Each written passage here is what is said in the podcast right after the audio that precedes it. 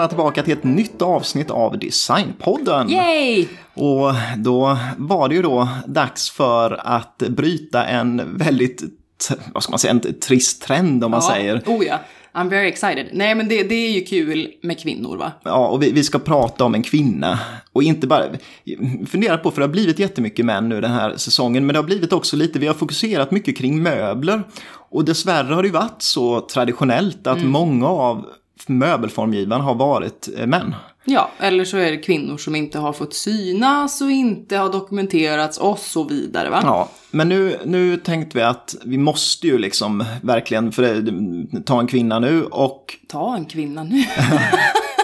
vi hittar en cool kvinna en- som gör något annat än möbler. Ja, och, och- det har vi gjort. Och det som också var bra var ju att precis det är något helt annat eh, typ av formgivning. Ja, oh ja. Eh, och den vi ska prata om idag är ju alltså Maja Isola. Yeah, och om man inte vet någonting om henne så var hon då formgivare på Marimekko väldigt lång tid. Mm. Mycket av de här klassiska mönstren som än idag finns i produktion har hon ritat. Ja. Så att även om man inte har hört Maja Isola så har man, jag kan lova att man har sett mönster som hon har gjort. Ja, det det går inte att gå in lova. ens på typ eh, Pressbyrån utan att se dem, för de finns här de på är faktiskt överallt. om man bara tänker efter. Och måste ju gjort miljontals olika, alltså för grejen är att det är ju inte bara gardiner och dukar och kläder och så. det är allt, allt, allt. Liksom anteckningsböcker, det är brickor, det är... Kläder, paraply, jag såg allting. Ja, allt finns liksom. Det finns mm. pennor och sånt med de här mönstren det är på. De här Ehm, blommorna, som jag inte vet vad de heter. Ja, det kommer vi till faktiskt. Ja, men vad bra. Nej, så vi ska prata om Maja Isola och... eh, Hon är ju också då finsk. Mm. Den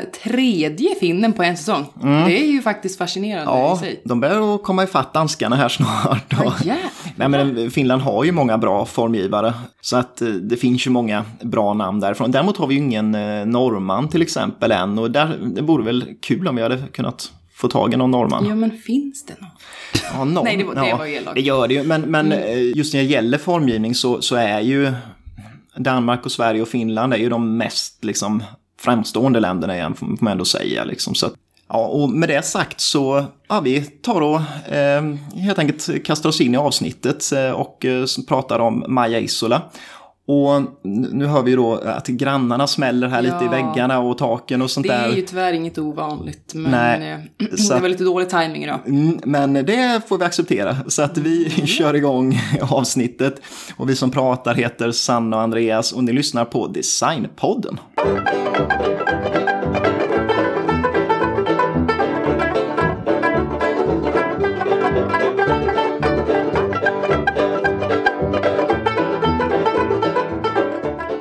gången har vi då använt oss av en bok som heter Maja Isola. Konstigt nog va? Ja, Och som du såg så var den ju skriven av en japan mm. Marimekko är ju extremt populärt i Japan. Ja, så att vad han heter, han heter, ja men typ Eri Shimatsuka.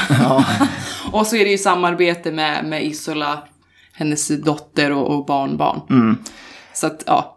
Men också sådär en, en kul bok som är lite kompakt och smidig och eh, sådär. Så att eh, gillar man textiltryck och sånt så är ju det en, ett bra tips. Verkligen. Maja föddes den 15 mars 1927 i Arolami, Ja, Finland. Vet inte vart det ligger, nej. ska jag erkänna.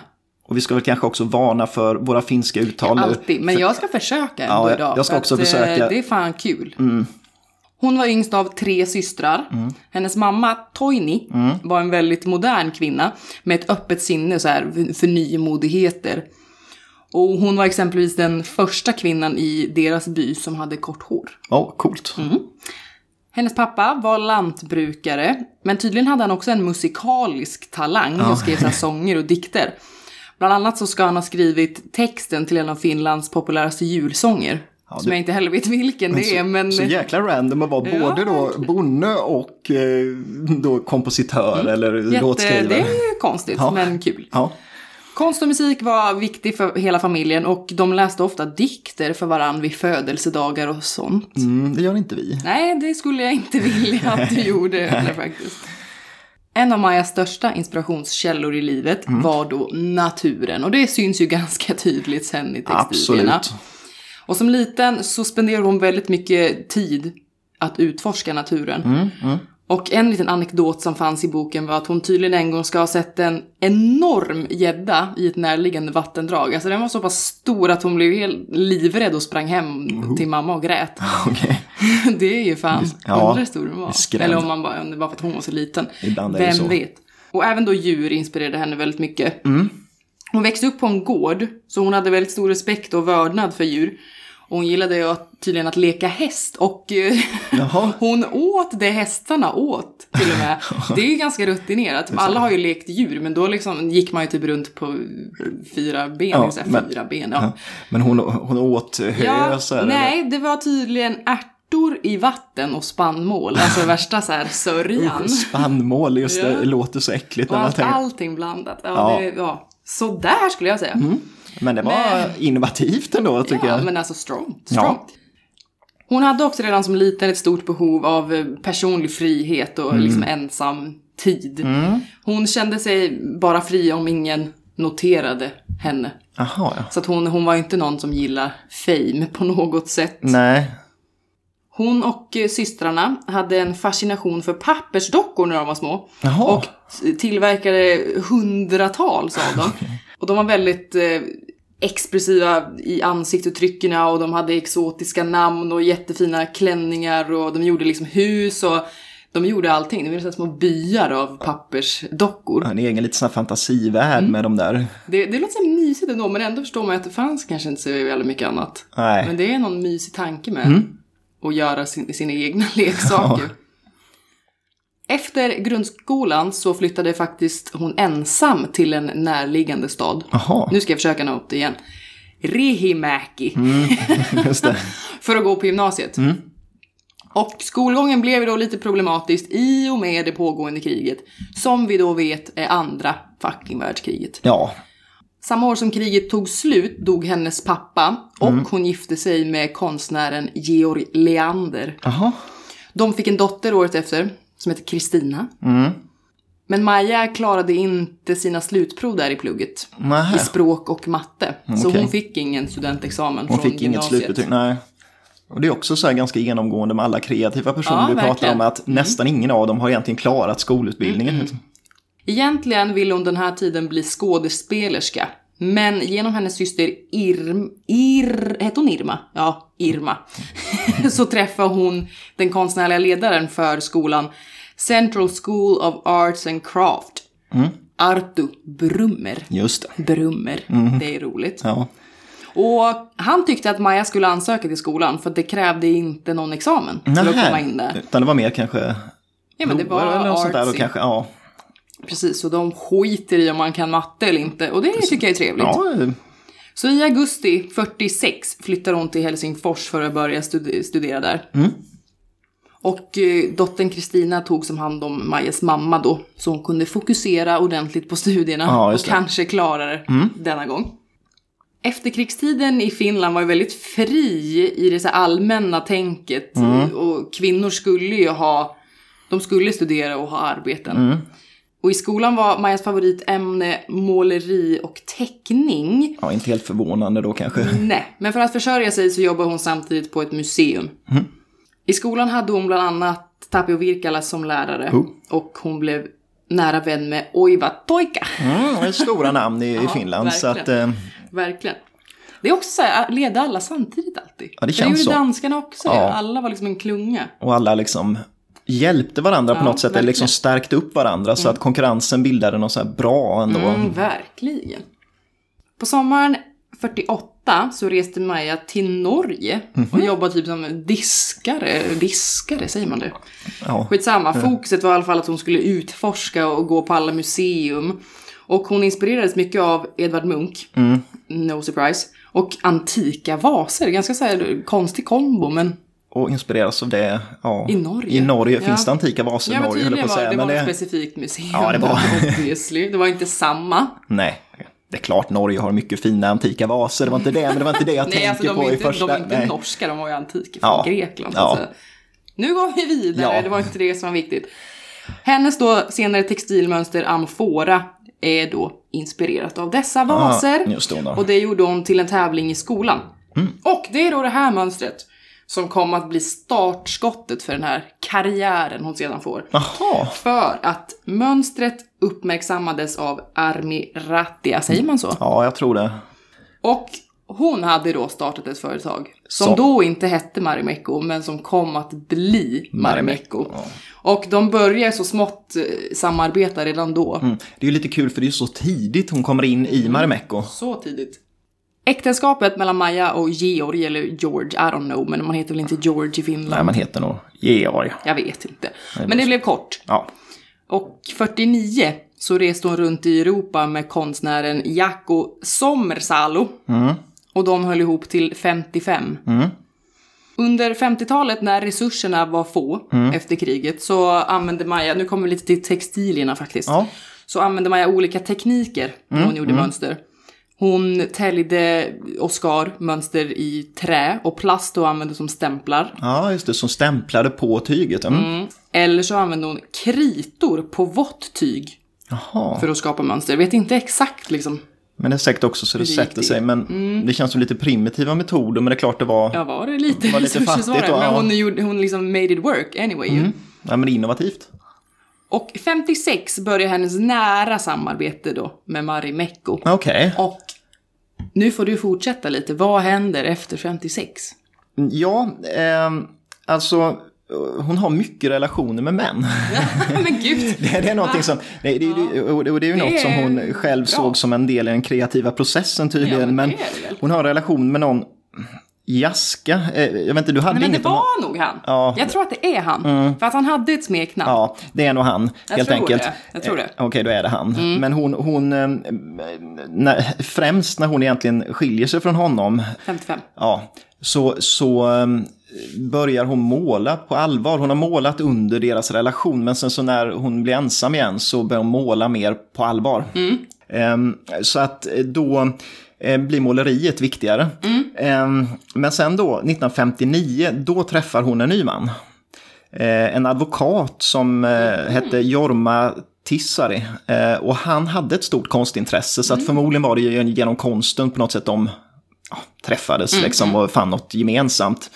Och de gifte sig nästan direkt. Varför? Åh, nu har jag redan gift tre Ja, gånger. så då gifte de sig där och de flyttar ifrån eh, den här Helsingforsförorten Munkiniemi Munkniemi. eh, till, eh, in till innerstan. Och jag ska inte ens försöka uttala, ja okej, Krununhaka, Oj. en, en, någon stadsdel inne i, en med så finare stadsdel inne i Det Helsingfors. lät inte så jävla fint när det kom Eh, men grejen var att det, det var en, för den förra lägenheten var ganska liten, men nu flyttade de till en stor lägenhet och där fick hon plats med sina stenciler, hon fick plats med sina liksom, tavlor och allt det här så att det, hon kunde ha en ateljé hemma på ett annat sätt. Härligt.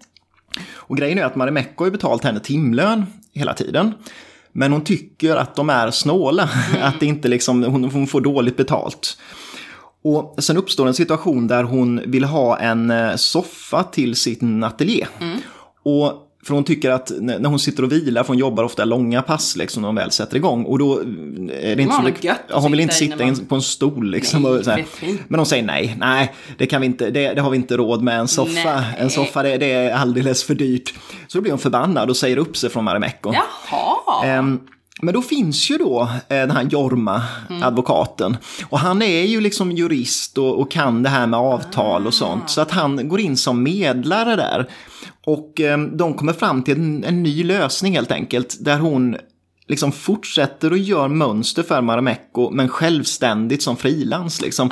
Och då kan hon göra saker också hemifrån i större utsträckning. Liksom.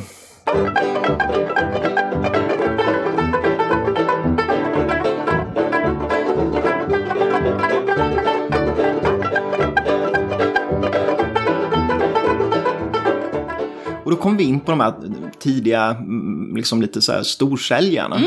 Eh, och det, alltså på 50-talet så inspirerades Finland, eller liksom influerades mycket av eh, Ryssland ändå. För Mm, att eh, det det hade liksom tillhört Ja. Ryssland. Och, men i Sverige så såg man ju inte på samma sätt på rysk film och läste ryska böcker. Men det gjorde man mer i Finland.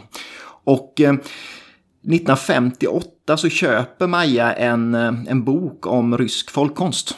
Och den boken blir utgångspunkt när hon gör en serie mönster. Och de här mönstren då, de, de kallas först, eller serien kallas först Bysanti men ändrar sen namn till Ornamenti. Mm, och det är hennes första riktigt stora liksom storsäljare. Och den kommer, det blir ungefär 30 mönster som hon ritar mellan 1959 till 1960. Och 1960 visas den i, tydligen i mars 1960 första gången för pressen. Och den blir väldigt uppskattad både mm. av kritiker men också av folk i allmänhet. Så att det är en av de stora bidragande orsakerna till att hon slår igenom så stort som hon gör. Och du var inne på lite olika tekniker mm. på det här. Och eh, det här är också ett par exempel på olika tekniker som hon använder sig av som är så markant skilda åt. Va? Okay. För ornamenti, eh, mm. där gjorde hon små skisser som hon sen förstorade med förstoringsapparat. Jag vet inte exakt hur en sån fungerar men hon hade någon sån... Ja, men typ som en kopiator ja. fast hur det nu var på den tiden. Ja, liksom. ja, men man förstår själva principen, liksom göra en skiss, förstorar upp den till önskad storlek och testa sig fram. Liksom. Men sen 1961 till exempel, då kom det en serie som hon kallade Jonas. Och där målade hon istället gouache. Det är ju som någon blandning nästan av eh, akvarell och olja, liksom, så mm. att man målar med pensel. På ark som var en och en halv gånger tio meter. Va? Så satt de bara och tokmålade mönster och sen så letade så här lite på pappret. Jo men det här gillar jag och sen så blev den delen av pappret oh, då ett mönster. Så det är ju markant skillnad på hur, Mycket som verkar göra massa olika sätt då att, att ja, ta fram mönstren. Men annars 1960 var ett år som var ganska betydelsefullt. Uh -huh. För då flyttar Kristina från mormor hem till Maja mm. i lägenheten i Helsingfors. Mm, mm. Eh, och innan dess hade de ju mest träffats på somrarna liksom och brevväxlat för att mm. eh, Maja jobbade jättemycket och hade väl inte riktigt tid att åka. Nej, hon var ju ung när hon fick dottern mm. också. Så då flyttade de till, liksom så att de, nu, då bor de ihop eh, från och med 1960. Och inte bara de då, utan tydligen i det här huset, mm. för det är, liksom, det är väl olika lägenheter som tur var då, va? men i samma hus i alla fall i Helsingborgs bor då Maja och Jorma. Mm. Kristina, Kristinas man och Jormas mamma oj, samt en massa oj, oj. hundar bor där. Så att, och det här var ju en period där hon umgicks väldigt mycket med familjen ja, då, om man säger. så lätt att undvika. Nej. Eh, och fler blir de, för att 1964 i januari så blir Maja mormor. Och då var hon 36 år gammal. Åh, oh, det är fan Så hon var, hon, var ju, hon var ju ung då när hon blev mormor. Men vad, då måste Kristina också varit ung? Ja, det måste hon ju varit man sa tydligen inte mormor eller mamma till varandra, Nej. utan man kallade varandra vid smeknamn. Det hänger med hela tiden det där. Mm -hmm. Så att eh, Maja hette, eller kallades då för Baja eller Abaya. Det var ju längre upp. Ja, konstigt. Och Kristina kallades för Mill av någon anledning. Va? Um, och sen så en, en rolig anekdot som ja. jag hittade som det är att tydligen då, de hittade på också två personer som inte fanns som bodde hos dem. Som Molgan? Så de, ja, de kallade dem för Ida och Räpi. Och de fanns inte. Men, Men ändå så fanns, finns de med i dokument därifrån så beskrivs de i brev liksom och man pratade om dem och man fick julklappar från dem och sådär. What? Och man använde de personerna som problemlösare i vardagen. Va? Ide och Räpi. Så att då var det något att, ja men liksom om, om något problem hade uppstått, då kunde man skämta kring dem och då blev man inte arga på varandra så här. Så att de hade det som att... Ja, det låter som en obehaglig ja, det, ja, precis. Men gud, ja det är ju fan fascinerande. Eh, och sen beskrivs det ju här, och det är kanske inte så konstigt att det blev så, men, men liksom för Kristina var Toini mer än mamma egentligen. Mm, det var inte så surprising. Nej, och, och, Maja var citat a never ending party, så att det var, hon, på något sätt var väl inte, Jaha. hon var väl ingen modersgestalt. Nej. nej. Eh, och ofta så misstogs de för systrar istället, liksom, för det skiljer inte så jättemycket på dem då. Nej, eh, för att hon fick ju då henne i gymnasiet. Ja, och sen eh, med tiden skulle de bli mer och mer kompanjoner också i, mm, i arbetet. Det kommer vi till. Mm. Men Maja jobbar ju vidare som frilans för, eh, för Marimekko. Och hon respekterade ju liksom och tyckte om Armi Ratja mycket. Liksom. Och, och Armi var ju en av huvudorsakerna till att, att Maja slog igenom så ja. stort som hon gjorde, absolut. Liksom. Bland annat såg hon till att Maja fick en, en stor utställning i USA och det är ju mm, naturligtvis mm. Jätte, jättebra att slå igenom internationellt. Men samtidigt blev det ju en jäkla press för Maja då va. För att hon visste att hon var personligen ganska ansvarig för att det gick bra för Marimekko. Hon var mm. tvungen att komma upp med nya intressanta mönster hela tiden. Mm. Och då kunde hon bli så extremt stressad och kände hon att det enda hon var tvungen att göra då var att resa iväg långt utomlands liksom och komma ifrån allt och alla liksom. Mm. Och det var det enda sättet hon kunde liksom, få inspiration i de lägena. Um, och många såg henne utifrån som en bohem. Men, men det var väl egentligen inte riktigt sant för att eh, hon var egentligen extremt så här bisarrt disciplinerad och, och väldigt så här arbetsam och mm. arbetet var det enda viktiga liksom. Och ateljén var så minutiöst städad och eh, uppordnad och man fick, inte, man fick inte nudda spetsen på penslarna så blev de förstörda och sådär. Så att hon var väl inte en bohem i det ordets bemärkelse egentligen då va. 1961, mm. eller mellan 1961 och 64, så kom serien Arkitekti. Och den, det här finns ja, det, svenska fast med ja, typ, ofta är det. Men eh, grejen var ju så här att det var Armis förslag. Mm -hmm. Hon tyckte att Marimekko skulle göra en serie en stor mönsterserie som var anpassad till professionella inredningsdesigners. Mm -hmm. Och det skulle vara liksom stora grafiska linjer som passade bra i offentliga miljöer och sådär då va. Men jag gillar inte Maja alls. Nej, det var inte hennes grej. Nej, hon tycker inte att man ska, liksom, det skulle inte finnas ett syfte med det Nej, man gör, utan det. ska bara vara den konstnärliga friheten liksom. Och sen så får folk använda det till vad fan de vill liksom. Mm. Men ändå fick eh, Armin igenom det här liksom. Ja, hon behövde liksom pengar givetvis och, och fick väl ändå anpassa sig. Men eh, så det blir ju en mönsterserie av det här Arkitekti och där blir det ju många klassiker också. Och en klassiker som finns är Kaivo från 1964 och den har nog väldigt många sett men man vet inte att den heter Nej, det. Det är den här lite böljande som är som en eh, liksom ehm, Ja, eh, ett böljande stort grafiskt mönster. Googla på det, K-A-I-V-O, Kaivo. Kaivo. Eh, för att den är en av de här riktiga klassikerna. Men sen en, en riktigt rolig sak som ja. jag hittade också, det var att eh, Armi Racha då som eh, liksom driver och startar Marimekko och så. Mm. Hon har en enda så princip och det är att man ska aldrig göra mönster med blommor. Nej. För att blommor blir alltid snyggast levande. En, en tryckt blomma är aldrig samma sak som en levande blomma, oj, oj, oj. därför ska man inte göra blommönster. Och det gör inte Maja heller. Men sen då 1964, då känner hon att hon, nej, alltså jag ska fan, ingen ska tala om för mig vad jag ska göra för mönster va. Så då gör hon en serie som har kallats Forbidden Flowers. Jag tror inte den hette det då, men, men det var ju liksom förbjudna blommönster. Ja. Och eh, ja, Armi erkänner att jo, det är faktiskt fint med blommönster. Så hon köper in ett antal mönster och bland annat då Unico.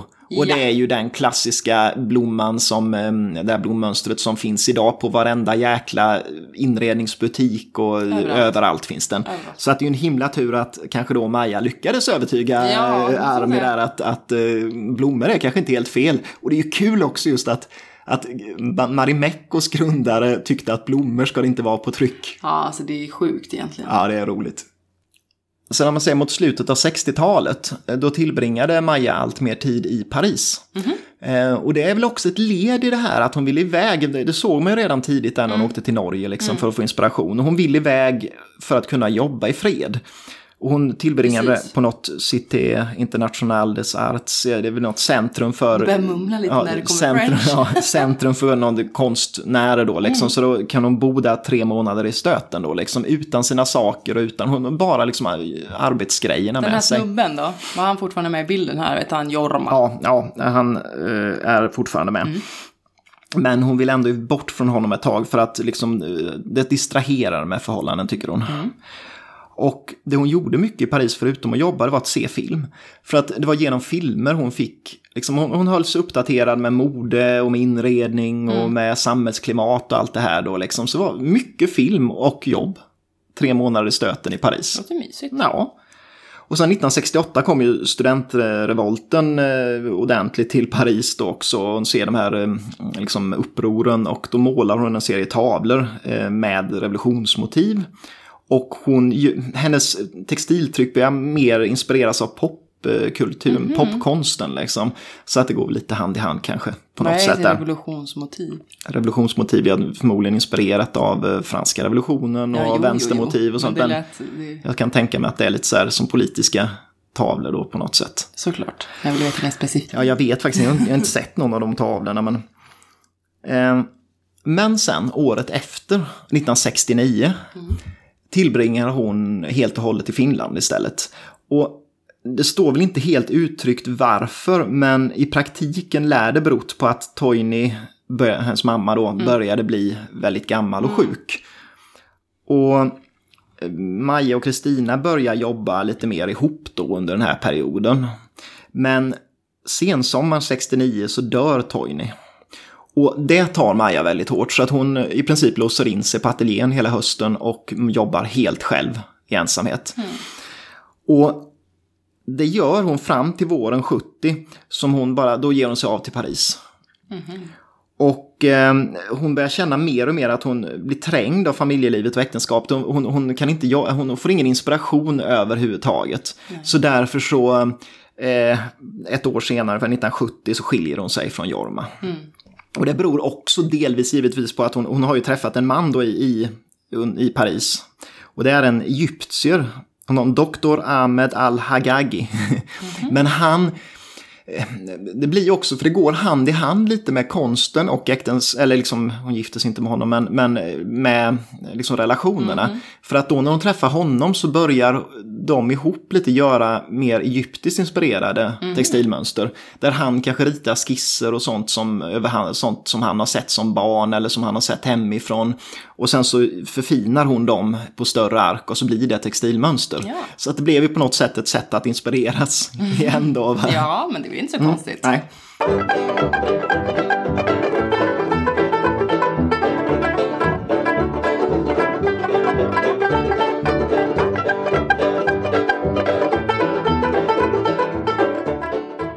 Men man får ju lov att säga att hon är ju verkligen så här på något sätt en, en rastlös själ, eller vad man ska ja, säga. Verkligen. Hela tiden vill vidare till något nytt. Men det var ju det här med att hon, att hon ville känna sig fri. Ja. Då, då var hon tvungen att vara ensam.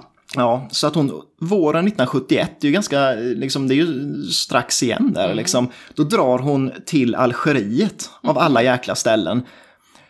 Och eh, hon hyr ett hus vid havet.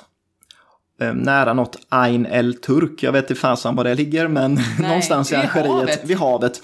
Eh, och i Algeriet, där tyckte Maja att nu har jag äntligen hittat mitt Asså, drömland. Jaha, vad kul. Hon sa liksom att det här är perfekt. Det är liksom tropiska växter, lugna timmar, liksom ingen massa stress Asså. och sånt. Och sen så liksom stark solsken hela tiden. Det, sån enorm kontrast till Finland för att se de där mörka och tillslutna och sådär. Kan det vara kanske? Så det var liksom ett land hon har drömt om, det tyckte hon. Så, nu blir jag lite inspirerad. Mm, och hon, hon har ju liksom dratt dit, men hon får vänner ganska snart. Bland annat umgås så mycket med någon Casimir och en Mohammed. Eh, som eh, hon tillbringar mycket tid med. Och hon får bland annat en, en, en höna i nyårspresent av Mohammed. Åh. Men hon vet inte riktigt vad hon ska göra med den här hönan. För att, Husdjur? Ja, hon har aldrig liksom riktigt hon har inte förstått, eller hon, hon har ju haft då pappan där som har varit eh, lantbrukare i och för sig, fast hon har aldrig riktigt satt sig in i riktigt hur man tar hand om den typen av djur. Utan så här, så att, men hon, hon har den här hönan och den återfinns också på textilmönster mm. från den här tiden då. Och där är hon faktiskt kvar ganska länge, så mellan 1971 och 74. Visst, det är inte jättemånga år, men Nej, för hennes del är det ganska mycket.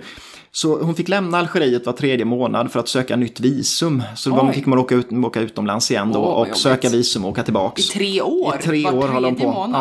Ja. Eh, och hon beskriver själv det här som en väldigt lycklig tid egentligen. Mm. Eh, kreativt, hon kan eh, liksom skapa mycket, men samtidigt är det en omvälvande period. Liksom. Ehm, för att även om det var bra för att göra konst och så, så hade hon svårt att förstå vissa kulturella skillnader. Och även det här med kvinnans plats i islam som inte mm. passade mm. henne riktigt mm. då va. Mm, och sen fanns det en sak till och det var att hon var ju förtjust i den här Mohammed då. Aha. Men till slut gifter han sig med någon algerier. Typiskt. Och det gör att hon blir ganska chockad tydligen. Hon, han har haft någon, någon fest med liksom sådär men han, ja. hon har inte förstått riktigt att det har varit Nej, allvar och så. Säkerligen. Eh, men så efter att han gifter sig så då lämnar hon Algeriet och det är ju 1974. Men eh, då är det ju bra att fortfarande ha kontakter kvar med gamla män där så att hon har ju haft hållit kontakter med den här Ahmed al-Hagagi i eh, Paris. Mm. Så att hon eh, drar tillbaks till Paris och ehm, bestämmer sig för att göra en eh, textiltryck tillsammans med honom. Så då gör de en serie egyptiskt inspirerade tyger igen då. Eh, och då kommer det mönster som Nili och Nubia och Papyrus. Så hör man ju att det är väldigt Egypten inspirerat. Så att tillbaks till Paris igen, cirkeln sluten ganska mycket. Och eh, hon var nöjd under den här perioden igen. Liksom. Hon kände att ja, livet leker och hon målar mycket tavlor med blommor och sånt. Så att ja, det var nog ganska...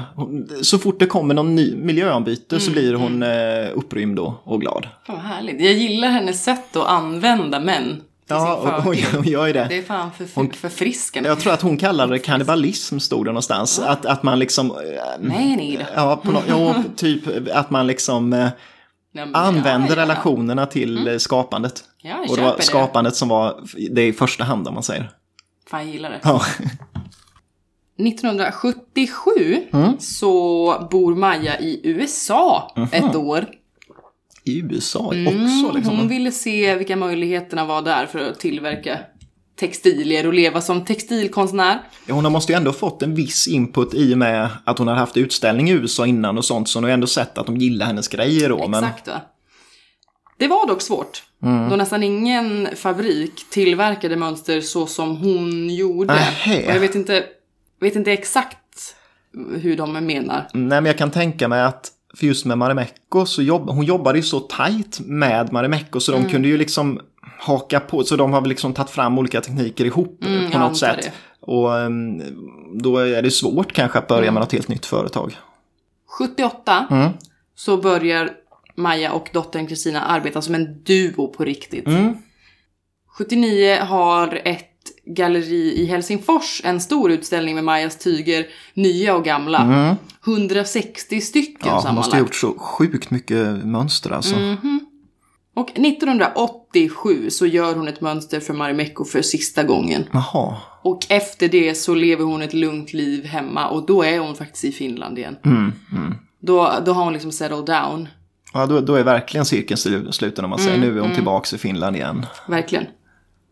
För Marimekko då så gör hon mer än 500 mönster under sammanlagt 38 Åh, för år. fan, tänk vad hon har betytt för det här företaget. Liksom. Allt! Jag Ja, tycker att de ja. är synonyma. Ja, absolut. Eller Marimekko är ju synonymt med blommönster. Ja, jo. är komiskt Ja, det, det är humor.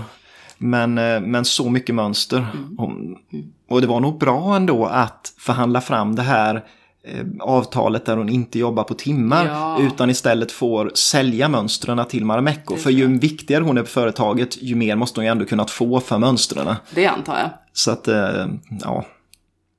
2001, Mm. 73 år gammal, så dör hon i sitt hem. Mm. Med dottern och, och eh, granddaughter, vad heter det? Eh, barnbarnet. Barnbarnet. I, ja, där. Mm.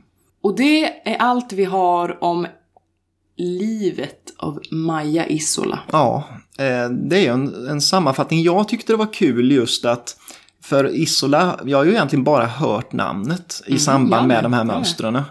Jag, jag kan inte säga att jag riktigt har förstått hur extremt omfattande hennes eh, antal mönster och så har varit. Nej. I och med att, att liksom, eh, det, det är ett, en handfull mönster som man vet att hon har gjort. Men de andra har man inte tänkt på att det var hon. Nej, men det är det som är så sjukt.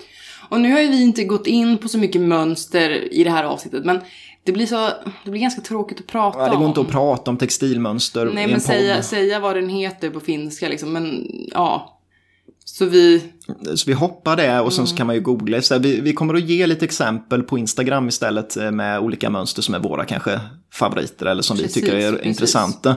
Men, eh, men annars tycker jag bara man ska googla mm, Maja Isola så får man ju upp Ja, mängder med, med mönster. jag gillar ornamenti mycket. Mm, det är, det är ju min, mina typer av grejer. mm, ja, men det är ju mycket så här roliga Mm, jättefina. saker. Ganska detaljerat även att det är så här lite naivt, lite Mm, det serieaktigt. är det som är ja. liksom charmen på något sätt.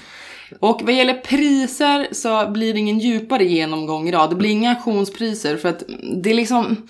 Det är klart att det säljs grejer på auktion med hennes mönster på. Men Jo, men det... Nej. Nej, nej alltså det, det är ju mer att liksom, det, det förekommer ibland saker klädda i Ja, så här precis. Men så, då är det ju en privatperson som har gjort Ja. det i princip. Så att, men i alla fall, nypriser. För det finns ju en jävla massa tyger idag. Ja, absolut. Och tyger i bomull Mm. kostar mellan 265 och 480 kronor metern. Mm. Och eh, 480 kronor metern, det är ju, det är ju dyrt. Det är rätt dyrt. Ja. Det blir ju snabbt väldigt mycket pengar. Ja. För vad kan man göra på en meter? Nej, ingenting. Utan Nej. eh, ska du ha gardinlängder och sånt så ja, blir det, blir, dyrt. det blir dyra gardiner, ja, precis. Och så som vi redan har sagt lite, det finns ju hur många saker som helst Ja. med mönstren på. Precis. Hur många som helst om man går in på Marimekos hemsida. Ja, gud, det finns hur mycket saker som Ja, helst. alltså, det Ehm, anteckningsböcker och brickor och Allt, pennor och allting. allt, allt, allt. Och hon har ju blivit populär i, på lika det sätt som Lisa Larsson och Stig Lindberg. Hon har blivit populär i Japan. Mm. Och det är väl också något som liksom... eh, Jag tror jag är glada. Ja, det är det glada, lite naiva. Och just det, det passar in i Ja, manga-formspråket det det. lite, just Det det. hennes grejer. Eh, Så att jag, det är inte förvånande alls. Men det är intressant, för det är ju ett antal av de här eh, formgivarna som, som Mm. har blivit så extremt populära i Japan. Och det är det naivistiska ju. Ja, det är det. Eh, Så att det, det gör sig ju bra i, i det japanska formspråket också. Liksom. Ja, eh, det var det vi hade den här veckan. Det var det. Eh, Men eh, vi, vi har egentligen, eh, om man säger, ett ämne kvar för säsongen. Eh, Sen så kommer vi, och likadant som vi gjorde under vårsäsongen, så kommer vi runda av säsongen med ett liksom avslutande avsnitt där vi eh, tar upp lite, knyter an till lite saker vi har pratat Ja. om tidigare. Eh, Men vi har ett stort namn eh, kvar som vi tänkte avsluta med här. Ja, en av mina favvisar. Ja, utan att säga vem. Så, ehm, och ehm, vad, tänkte jag säga? Nej, nej men ehm, Du vet Eh. du babblar. vi får ju allt mer meddelanden Ja, och är eh, sånt där. Eh, Så att vill man oss någonting så hör av er. Liksom, tjoa till om det är något ni har synpunkter på och sånt. Och vill man höra av sig så kan man göra det bland annat på mail då. Ja, designpodden gmail.com eller på Instagram jättegärna. Ja, heter vi Designpodden. Mm. Och då kan man skicka meddelande eller kommentera och följa oss där tycker jag Ja, man ska göra. fan. Absolut. Eh, och Facebook finns vi på också, men det gillar vi inte så mycket. Så Nej, att, eh, nej, det, Oj, jag, jag svär mycket, det är inte meningen. Nej. ja, men annars så får ni ha det bra så länge så hoppas jag att ni hör oss nästa vecka för då är Ja. det som sagt bara ett favoritavsnitt Det som är vi ska sätta tänderna i.